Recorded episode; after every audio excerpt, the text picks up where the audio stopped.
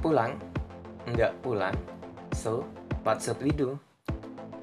Halo Sobat Edukasi, penyebaran COVID-19 yang telah ditetapkan oleh WHO menjadi status pandemi membuat kita semua harus terus menghindari kontak yang tidak diperlukan dengan banyak orang loh. Menerapkan hidup sehat, bersih, serta berdiam diri di rumah atau di kos atau di mana saja deh. Sobat Edukasi tinggal, hal sekecil seperti itu saja merupakan upaya untuk menghindari penyebaran virus ini loh. Pernah bosan nggak sih Sobat Edukasi selama berdiam diri di rumah? Berikut ini ada tips dari Mimin untuk tetap sehat, nyaman, dan produktif untuk tetap mewujudkan dan menjaga green lifestyle.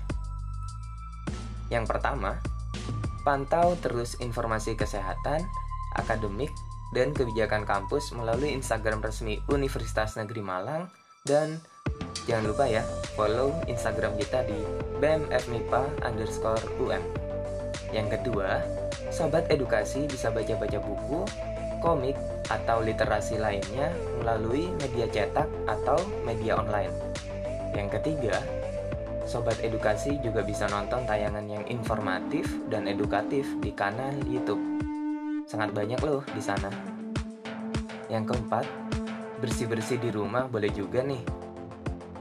Pokoknya, buat tempat tinggal kita semakin nyaman ya sobat. Yang kelima, bagi yang suka masak-masak nih, yuk bantu orang tua di rumah. Jangan lupa juga ya, dipilah sampahnya. Yang keenam, sobat edukasi juga masih bisa bercocok tanam atau membuat biopori sendiri di rumah. Yang ketujuh, Agar tetap sehat, jangan lupa selalu berolahraga ya sobat. Nggak apa-apa kok, mulai dari yang ringan-ringan dulu. Yang kedelapan, buat karya. Dan plan to do jangka panjangmu. Mimin rumah doain, semoga tercapai ya. Yang terakhir nih, yang kesembilan, berdoa supaya bumi ini lekas membaik. Teriakin, amin paling serius.